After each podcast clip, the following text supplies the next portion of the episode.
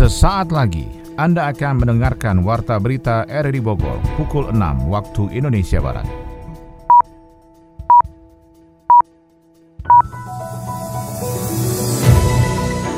Selamat pagi, salam jumpa. Kami hadir kembali dalam Warta Berita edisi hari ini, Selasa 2 November 2021. Informasi ini juga turut disiarkan melalui audio streaming lewat RRI Play dan juga disiarkan lewat Radio Tegak Beriman Kabupaten Bogor, Jawa Barat dan Anda bisa akses di Spotify RRI Bogor. Berita utama hari ini adalah pemerintah memutuskan syarat perjalanan udara tidak lagi wajib menjalani tes PCR melainkan hanya swab antigen. Perjalanan udara tidak lagi mengharuskan menggunakan tes PCR, tetapi cukup menggunakan tes antigen. Bencana ratakan tanah di Sukajaya, Kabupaten Bogor terus melebar mengakibatkan 38 rumah dikosongkan. Kelihat kasat mata itu perlu direlokasi. Kenapa? Karena itu memang waktu bencana besar juga itu ada retakan. Bus kita Transpakuan mulai beroperasi mulai hari ini melayani rute Ciparigi hingga stasiun Bogor. Akan beroperasi 10 bis di koridor 5 untuk secara bertahap akan 49 bis. Saya Melanai Snarto, inilah Warta Berita selengkapnya.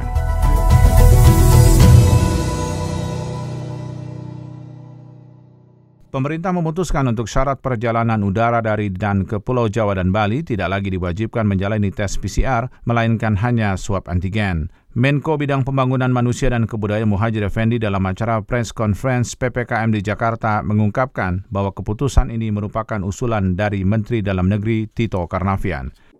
Kondisi saat ini secara agregat angka nasional penularan terjadi penurunan, tetapi ada sekitar 131 kabupaten dan kota yang mengalami tren naik, di samping ada beberapa kabupaten kota juga mengalami penurunan. Provinsi Bali menjadi perhatian khusus karena pada bulan Maret, Mei, dan sepanjang tahun 2022 ada acara-acara besar yang berskala internasional yang mengundang banyak pimpinan negara sahabat. Akan ada uji coba untuk acara internasional di Bali oleh Kemenkes, supaya pimpinan daerah agar mengantisipasi langkah-langkah yang diperlukan jika di daerah akan dilaksanakan acara-acara internasional. Enam, untuk mengantisipasi dampak PTM, Kemenkes bekerjasama dengan Kemendikbudristek Dikti dan juga Kementerian Agama akan membuat aplikasi yaitu proaktif tracing yang akan diterapkan di Indonesia yang terintegrasi dengan aplikasi Peduli Lindungi. Yang ketujuh, pelaksanaan vaksinasi untuk lansia tetap difokuskan. Untuk vaksinasi terhadap anak-anak akan dilaksanakan setelah ada izin dan diterapkan pada tahap awal di daerah yang sudah tinggi vaksinasi terhadap lansia. Kemudian untuk perjalanan akan ada perubahan, yaitu untuk wilayah Jawa dan Bali, perjalanan udara tidak lagi mengharuskan menggunakan tes PCR, tetapi cukup menggunakan tes antigen. Sama dengan yang sudah diberlakukan untuk wilayah luar Jawa, non Bali, sesuai dengan usulan dari Bapak Mendagri. Sebelumnya, pemerintah mewajibkan calon penumpang pesawat terbang dari dan menuju Jawa dan Bali memiliki hasil rapid test PCR yang sampelnya diambil 2 kali 24 jam sebelum keberangkatan. Sementara itu, Menteri Kesehatan Budi Gunadi Sadikin memastikan ketersediaan stok vaksin COVID-19 di tanah air untuk satu bulan ke depan. Menurutnya Indonesia sudah memiliki 252 juta dosis, 241 juta di antaranya sudah didistribusikan ke provinsi, kabupaten, dan kota. Bahwa vaksinasi sekarang kita sudah 194 juta, kita harapkan minggu ini bisa menyentuh 200 juta. Jadi setiap 5 minggu sekarang kita nambah 50 juta suntikan. Dan yang vaksinasi dosis pertama sudah 109 19 juta orang atau 57 persen. Yang sudah lengkap dosis pertama dan dosis kedua ada 73,8 juta orang atau 35 persen. Dengan laju seperti ini diharapkan bahwa di akhir tahun kita bisa sampai 290 sampai 300 juta suntikan di mana dosis pertamanya perhitungan kami bisa 160 8 juta orang atau 80,9 persen. Yang lengkap dosis 2 adalah 123 juta orang atau 59 persen. Nah, Bapak Wapres memberikan arahan, memang di meeting meeting G20 WHO sudah bilang diharapkan seluruh negara sampai akhir tahun 2021 ini sebaiknya sudah bisa mencapai 40 persen dosis kedua. Jadi perhitungan kami se Indonesia insya Allah bisa 60 persen, jadi sudah melampaui target yang diberikan oleh para teman-teman di WHO. Stok vaksinnya juga saya update sedikit. Kita memiliki sekarang ada 252 juta dosis, di mana 241 juta sudah didistribusikan ke provinsi, kabupaten, dan kota. Dari 241 juta ini sudah terpakai 194 juta. Jadi masih ada sekitar 47 juta yang ada di stok provinsi, kabupaten, dan kota itu relatif cukup ya untuk cadangan suntikan satu bulan ke depan. Karena laju suntikan kita kan sekitar 50 juta dalam lima minggu. Jadi masih cukup stoknya ada di kabupaten, kota, provinsi untuk satu bulan ke depan. Dalam kesempatan itu, Menkes juga memastikan bahwa pemerintah akan terus melakukan pengawasan implementasi protokol kesehatan menjelang Natal dan Tahun Baru pada akhir tahun. Langkah itu penting memastikan tidak ada lonjakan kasus baru seusai periode Natal dan Tahun Baru, apalagi mengingat kasus COVID-19 di Indonesia tengah mengalami penurunan. Beralih ke informasi lainnya, bus kita Transpakuan sebagai pengganti ratusan angkot di Kota Bogor mulai beroperasi hari ini. Selama uji coba, bus yang melayani rute Ciparigi hingga stasiun Bogor gratis alias tidak dipungut bayaran. Adi Fajar Nugraha melaporkan. Wali Kota Bogor Bima Arya dengan menggunakan alat berat beko menghancurkan angkutan kota atau angkot di Gor Pajajaran pada Senin pagi. Pengancuran angkot ini menandai program reduksi angkutan perkotaan atau angkot di Kota Bogor. Secara bertahap sekitar 147 angkot Kota Bogor akan digantikan dengan operasional bus kita Transpakuan dari Kementerian Perhubungan. Wali Kota Bogor Bima Arya mengatakan pengoperasian bus kita Transpakuan akan dimulai hari ini yang dimulai dari koridor 5. Koridor tersebut akan melayani rute Ciparigi, Kedung Halang, Jambu 2, Air Mancur, Jalan Merdeka hingga ke Stasiun Bogor. Tiga angkot menjadi satu bis. Besok akan beroperasi 10 bis di koridor 5 untuk secara bertahap akan 49 bis Bima menambahkan para pengemudi angkot nantinya akan diarahkan untuk menjadi pengemudi bis ataupun dilatih menjadi mekanik untuk perawatan. Sementara itu Acing, seorang pengemudi angkot sekaligus pemilik trayek 07 mengatakan solusi yang ditawarkan Pemkot Bogor belum bisa menjadi jalan keluar. Pasalnya pengusaha dan pengemudi angkot di kota Bogor jumlahnya tidak akan sebanding dengan lowongan yang dibutuhkan di Transpakuan. Pemerintah juga membuka lapangan juga ketika memang tidak diterima di supirnya, di sini akan diarahkan ke mekanik atau ke teknisi atau di bagian lainnya. Dan apakah bisa menampung? Dan dengan penghasilan harapan supir-supir yang tadinya seperti ini terus sekarang diterapkan di kantor kira-kira mampu nggak gitu istilahnya mencukupi dan menghadapi suasananya juga? Mungkin kan antara di angkutan ini beda lepas. Tapi kalau kantor pasti banyak. Tapi dijanjikan gaji nggak lah kalau memang di hire? Nah. tapi yang saya dengar langsung dari orang dinas UMR Selain itu, adanya program reduksi tiga angkot menjadi satu bus ini semakin membingungkan para pengusaha angkot. Pasalnya kebijakan terdahulu seperti konversi dua angkot tua menjadi satu angkot baru dinilai belum optimal berjalan. Tidak hanya itu, Acing mengungkapkan, adanya kebijakan ini akan semakin memberatkan para pengusaha dan pengemudi angkot di kota Bogor, terlebih di masa pandemi ini. Kalau memang tujuannya pemerintah mereduksi angkutan, harapan saya yang semua program dijalankan, walaupun pengusaha sendiri mengalah dengan adanya TPK itu yang dua banding satu, angkot dua, mobil besar satu. Setelah TPK ini selesai, bahwa akan terjadi 31. Berarti dampaknya ini yang 21 juga kena dong. Ketika terjadi seperti ini, ini kan dipaksakan. Ketika penghasilan kita semakin menurun dalam keadaan COVID-19 ya. ini dan pandemi ini, dan pemerintah tidak tahu seberapa supir angkutan anaknya atau berapa berapa yang harus dikeluarkan setiap harinya sementara penghasilan aja sudah mengurangi. Pemerintah Kota Bogor bersama BPTJ Kementerian Perhubungan telah menyiapkan 49 bis kita Transpakuan hingga akhir tahun ini. Bis berukuran 3 per 4 ini nantinya dijadwalkan akan mengaspal pada 2 November 2021. Kehadiran bis Kita Transpakuan ini merupakan implementasi program By the Service yang merupakan kolaborasi peremajaan transportasi demi kenyamanan masyarakat sebagai penggunanya. Sementara itu, Kepala Dinas Perhubungan Kota Bogor Eko Prabowo menjelaskan reduksi angkutan kota ini akan mengurangi signifikansi jumlah angkot di kota hujan. Dan nanti setelah bis tahap kedua, ini koridor untuk menempati koridor 5, tahap kedua mungkin nanti koridor adalah koridor 2, itu juga akan dilakukan scrapping sama, apakah itu besi tua atau diplatitangkan.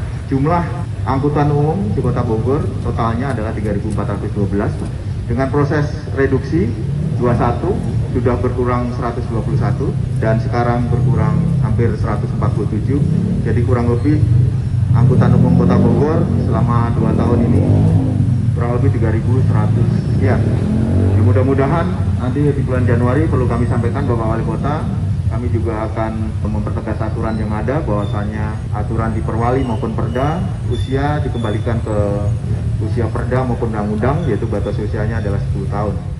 Dinas Perhubungan Kota Bogor selanjutnya menyiapkan program pemberdayaan supir angkot yang akan menjadi bagian dalam bus Transpakuan sehingga tidak kehilangan mata pencaharian.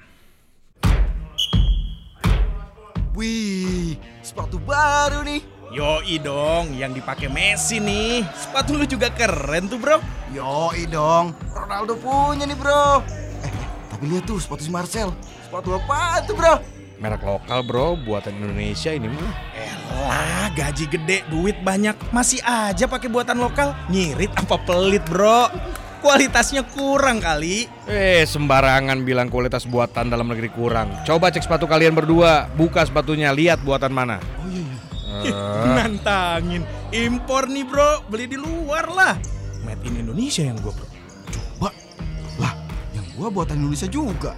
Justru Kualitas buatan kita itu terbaik bro Dari sepatu, elektronik, fashion, sampai pernak-pernik udah diakuin sama dunia Ngapain beli barang impor kalau kualitas produk kita lebih oke? Kalau gue sih bangga buatan Indonesia Saatnya kita bangga buatan Indonesia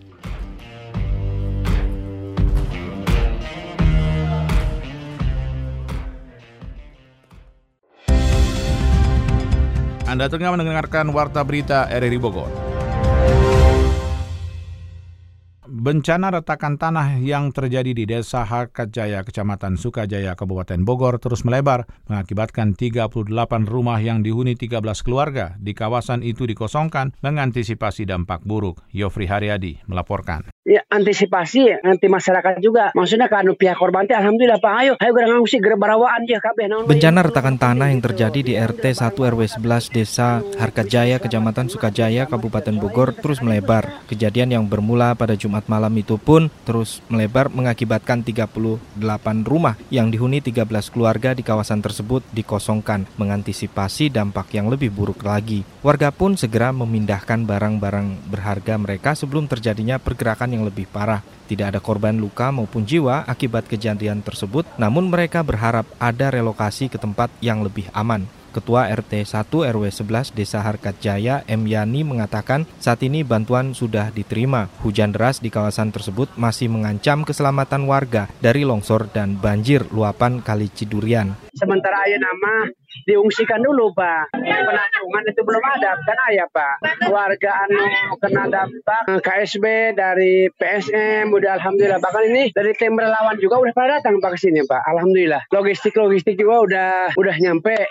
Tos telayak Pak eta hancur rumah tuh 13 14 kakak 13 rumah Pak yang hancur total nggak bisa di ini nggak bisa dihuni Pak. Sebulan yang lalu tanya iya ayah retakan tanah alit apa paling segede murahnya segede rokomahnya terus lami-lami pergerakan terus semakin setiap hujan kata pergerakan tanah teh semakin besar. Lokasi yang berdiri berada di sekitar perkebunan sawit Desa Harkat Jaya itu pun sebelumnya pernah terjadi bencana di awal 2020 lalu yang sebagian besar korbannya sudah diungsikan di hunian sementara dan hunian tetap di sekitar kawasan perkebunan. Sekretaris Camat Sukajaya Tirta Juarta menambahkan, jika melihat kontur tanah di wilayah tersebut, hampir seluruhnya berpotensi terjadi pergerakan tanah. Mengingat lokasi berada di perbukitan Gunung Salak Bogor. Lihat kasat mata itu perlu direlokasi. Kenapa? Karena itu memang waktu bencana besar juga itu ada retakan. Nah sekarang rumah yang ada juga ada yang tidak bisa digunakan lagi ya harus relokasinya ya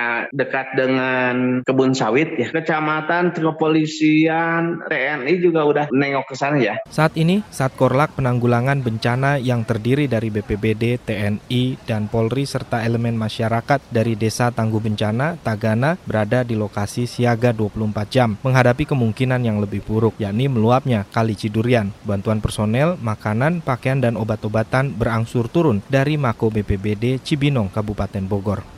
Sementara itu terkait Jalan Soleh Iskandar yang amblas, Pemkot dan Polres Bogor Kota melarang kendaraan roda 4 atau lebih melewati jalan tersebut dan akan dialihkan melewati underpass. Sony Agung Saputra. Pemkot Bogor dan Polres Bogor Kota melakukan penanganan terhadap jalan yang ambles di Jalan Soleh Iskandar, Kota Bogor. Hal itu dengan adanya kebijakan kendaraan roda 4 dan lebih dilarang melintas Jalan Soleh Iskandar Solis tepatnya berada di depan X Mall Mega M yang mengalami penurunan atau amblas. Wali Kota Bogor Bima Arya mengatakan jalan Solis yang amblas akan ditutup bagi kendaraan roda 4 dan lebih. Untuk selanjutnya kendaraan akan dialihkan melewati underpass. Penutupan jalan akan dilakukan jajaran Polresta Bogor Kota untuk mengantisipasi terjadinya longsoran tanah yang lebih parah. Apalagi saat ini kondisi cuaca dengan intensitas curah hujan sangat tinggi sehingga perlu diantisipasi. Pengerjaan penanganan jalan Sol Iskandar yang amblas sudah direncanakan untuk segera dilaksanakan tetapi harus melalui proses proses lelang pengerjaan yang ditargetkan pada awal tahun 2022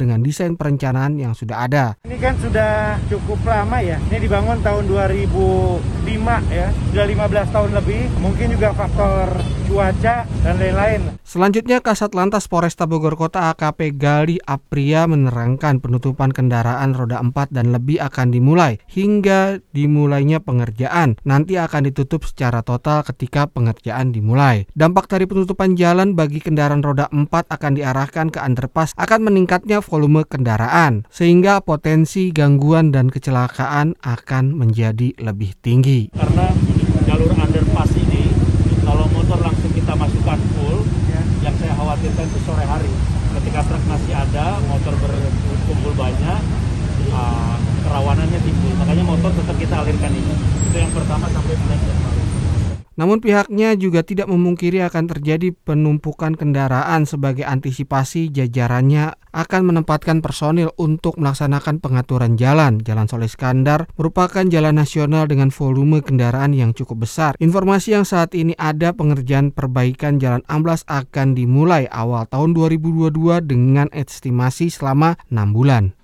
Sejumlah kelompok tani di Kabupaten Bogor belum mendapatkan perhatian dari pemerintah melalui Dinas Pertanian, Kehutanan, Kabupaten Bogor. Yofri Haryadi melaporkan.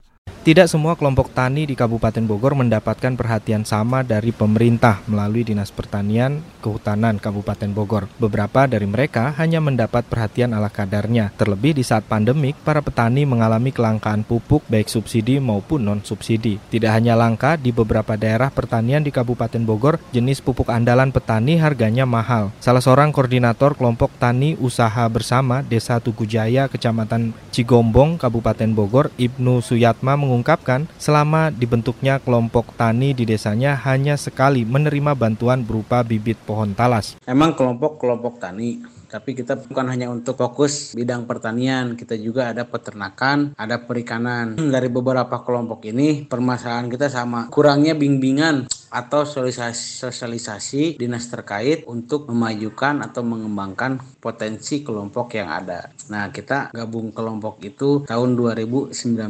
Kita bantuan tuh baru yang sudah diterrealisasi itu talas, baru bibit talas, jumlahnya sekitar 5.000 pohon. Berbeda dengan desa lainnya di Kabupaten Bogor yang mendapatkan stimulus bantuan dalam paket yang lengkap, mulai dari bibit tanaman, bibit ikan hingga bibit kambing untuk dibudidayakan. Lemahnya pengawalan dalam pengusulan program dari kelompok tani yang dipimpinnya itu pun menjadikan bantuan yang diterima anggotanya tidak maksimal. Di desa lainnya di Kabupaten Bogor, keberadaan perusahaan dan sektor jasa memberikan anggaran CSR atau tanggung jawab sosial dan lingkungan berupa bantuan subsidi pupuk cair yang diinisiasi Daeng Haji Lukman di Desa Ciangsana, Kecamatan Gunung Putri, Kabupaten Bogor. Kita punya inisiasi bahwa di saat pandemi ini kan sulit mendapatkan pupuk misalnya. Kami buat program ini, jadi program peduli petani wilayah Bogor. Nah salah satunya itu tadi bantuan kepada petani, pupuk, kemudian edukasi hukum, konsultasi hukum gratis kepada petani, dan termasuk tes kesehatan gratis untuk petani. Nah, pupuk ini namanya NTK, NTK cair. Biasanya kan tabur. Biasanya NTK cair itu pupuk subsidi itu kan kalau katakanlah saya kasih ilustrasi, kalau di, di dalam satu hektar padi itu kan satu juta setengah biaya produksinya, kalau ini cuma 750 ribu, jadi minimal 50 persen. Kemudian kualitasnya juga sama. Jadi artinya sistemnya juga penyemprotan kalau ini. Jadi sebetulnya mudah sekali untuk petani. Kemudian jadi misalnya tadi kalau satu hektar itu satu juta setengah ini cuma 750 ribu. Sektor industri agro menjadi mitra strategis dalam mendongkrak produktivitas pertanian di Kabupaten Bogor. Para petani berharap kelompok tani yang belum mendapatkan akses bantuan dan stimulus untuk bangkit dipertemukan dan menjadi bagian dari program pengembangan pertanian modern. Enak ya kalau sore-sore gini jalan di Malioboro, gak salah nih kita liburan ke sini. Iya atuh, kalau soal wisata mah Indonesia teh paling jago dan udah terkenal juga di luar negeri. Iya ya teh, lihat kanan bule, lihat kiri bule, tuh depan kita juga bule. Tah eta. Tapi ngomong-ngomong, kita beliin oleh-oleh apa dong teh buat mama? Nih, ini aja nih, tas rajut, hmm, cantik pisan. Aduh teh, itu mah buatan lokal. Nggak mau ah. Loh, Emangnya kunaon? Kenapa buatan lokal teh? Justru nih ya, sekarang mah kerajinan lokal kayak gini yang dicari. Masa sih? Tuh dengar, bule aja rela jauh-jauh pelesiran ke Indonesia dan beli barang-barang asli Indonesia. Kita tuh harus bangga.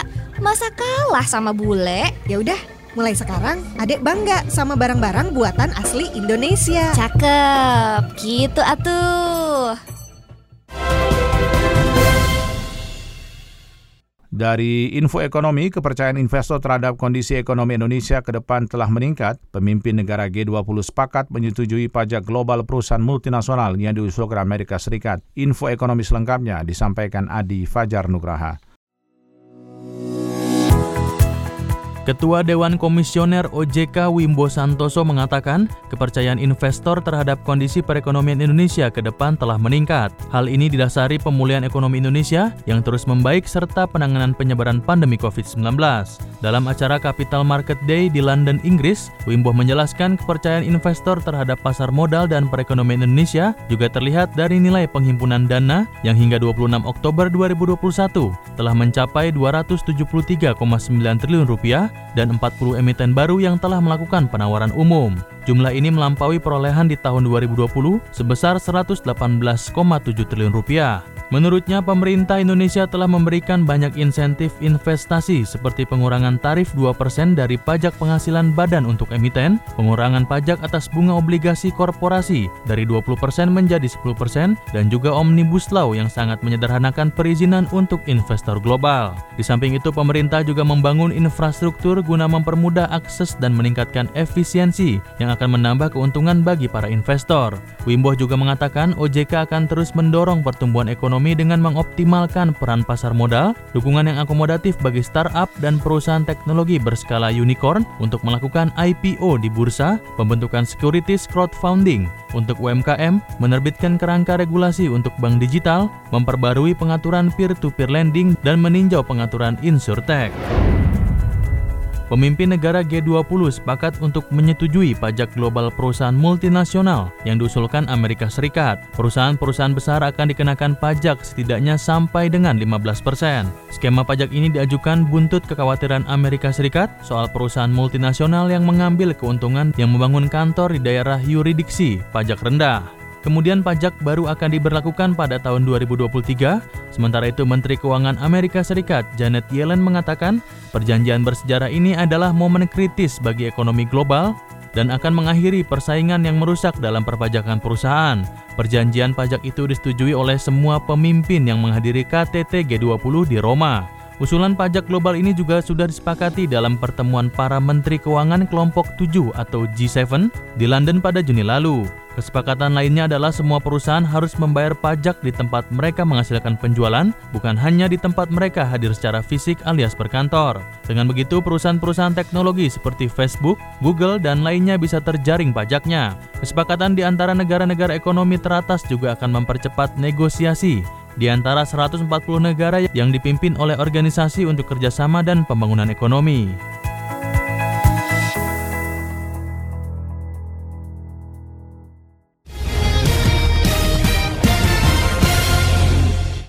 Dari dunia olahraga, kontingen Peparnas Jawa Barat akan mendapat pengawalan ketat dari Kepolisian Daerah Jawa Barat mulai keberangkatan pelaksanaan pertandingan hingga kepulangan. Kita ikuti laporan Ermelinda.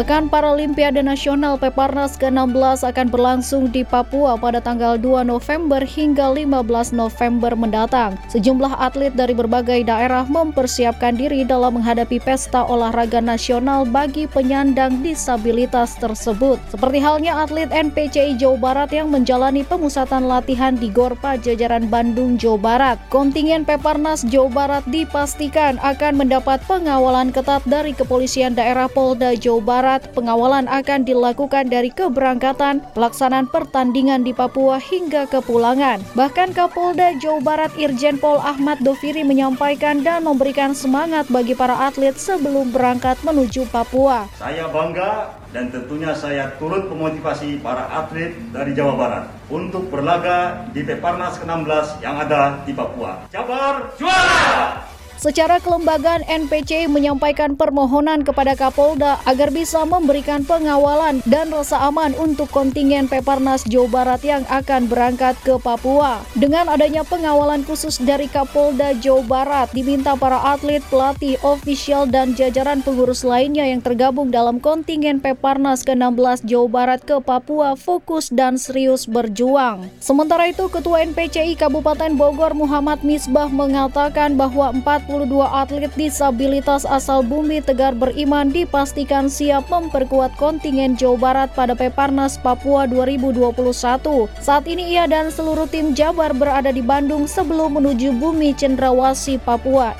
Ya Alhamdulillah sesuai dengan anjuran penerbangan kita juga semua atlet Kabupaten Bogor sudah vaksin dua kali dan kemarin dilakukan PCR dan Alhamdulillah secara kesehatan psikologi sudah siap yang berangkat ke Papua. Kita berangkat dari Bandung diperkirakan jam 5 dan naik pesawat kita tiga kloter yang pesawat satu, pesawat dua dan reguler. Diperkirakan berangkat kita kita jam 1.30 pagi. Di Papua kita pertama mungkin tanggal 3 kita sampai Papua persiapan kita tes lapangan ya di sana hmm. pertandingan di tanggal 5 opening ceremony dan oh. tanggal 6 ada mulai uh, pertandingan. Upaya pemerintah Kabupaten Bogor yang akan memberikan bonus yang sama kepada para atlet PON dan Peparnas asal Kabupaten Bogor mendapat apresiasi positif dari Ketua Nasional Paralimpik Komite Indonesia NPC DCI Kabupaten Bogor. PLT Kadispora Kabupaten Bogor Triantu Rangga belum lama ini mengatakan Pemkap Bogor akan memberikan nominal bonus yang sama kepada para atlet PON dan Peparnas asal Kabupaten Bogor benar-benar melegakan dan membanggakan bagi keluarga besar NPCI Kabupaten Bogor.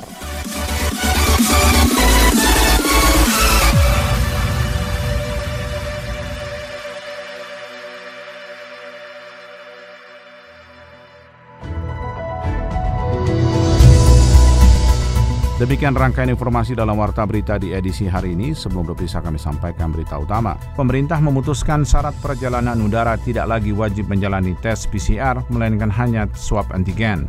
Bencana ratakan tanah di Sukajaya, Kabupaten Bogor terus melebar mengakibatkan 38 rumah dikosongkan. Bus kita Transpakuan mulai beroperasi mulai hari ini melayani rute Ciparigi hingga stasiun Bogor. Saya Maulana Isnarto, mewakili kerabat kerja yang bertugas hari ini. Ucapkan terima kasih atas perhatian Anda. Selamat pagi, sampai jumpa.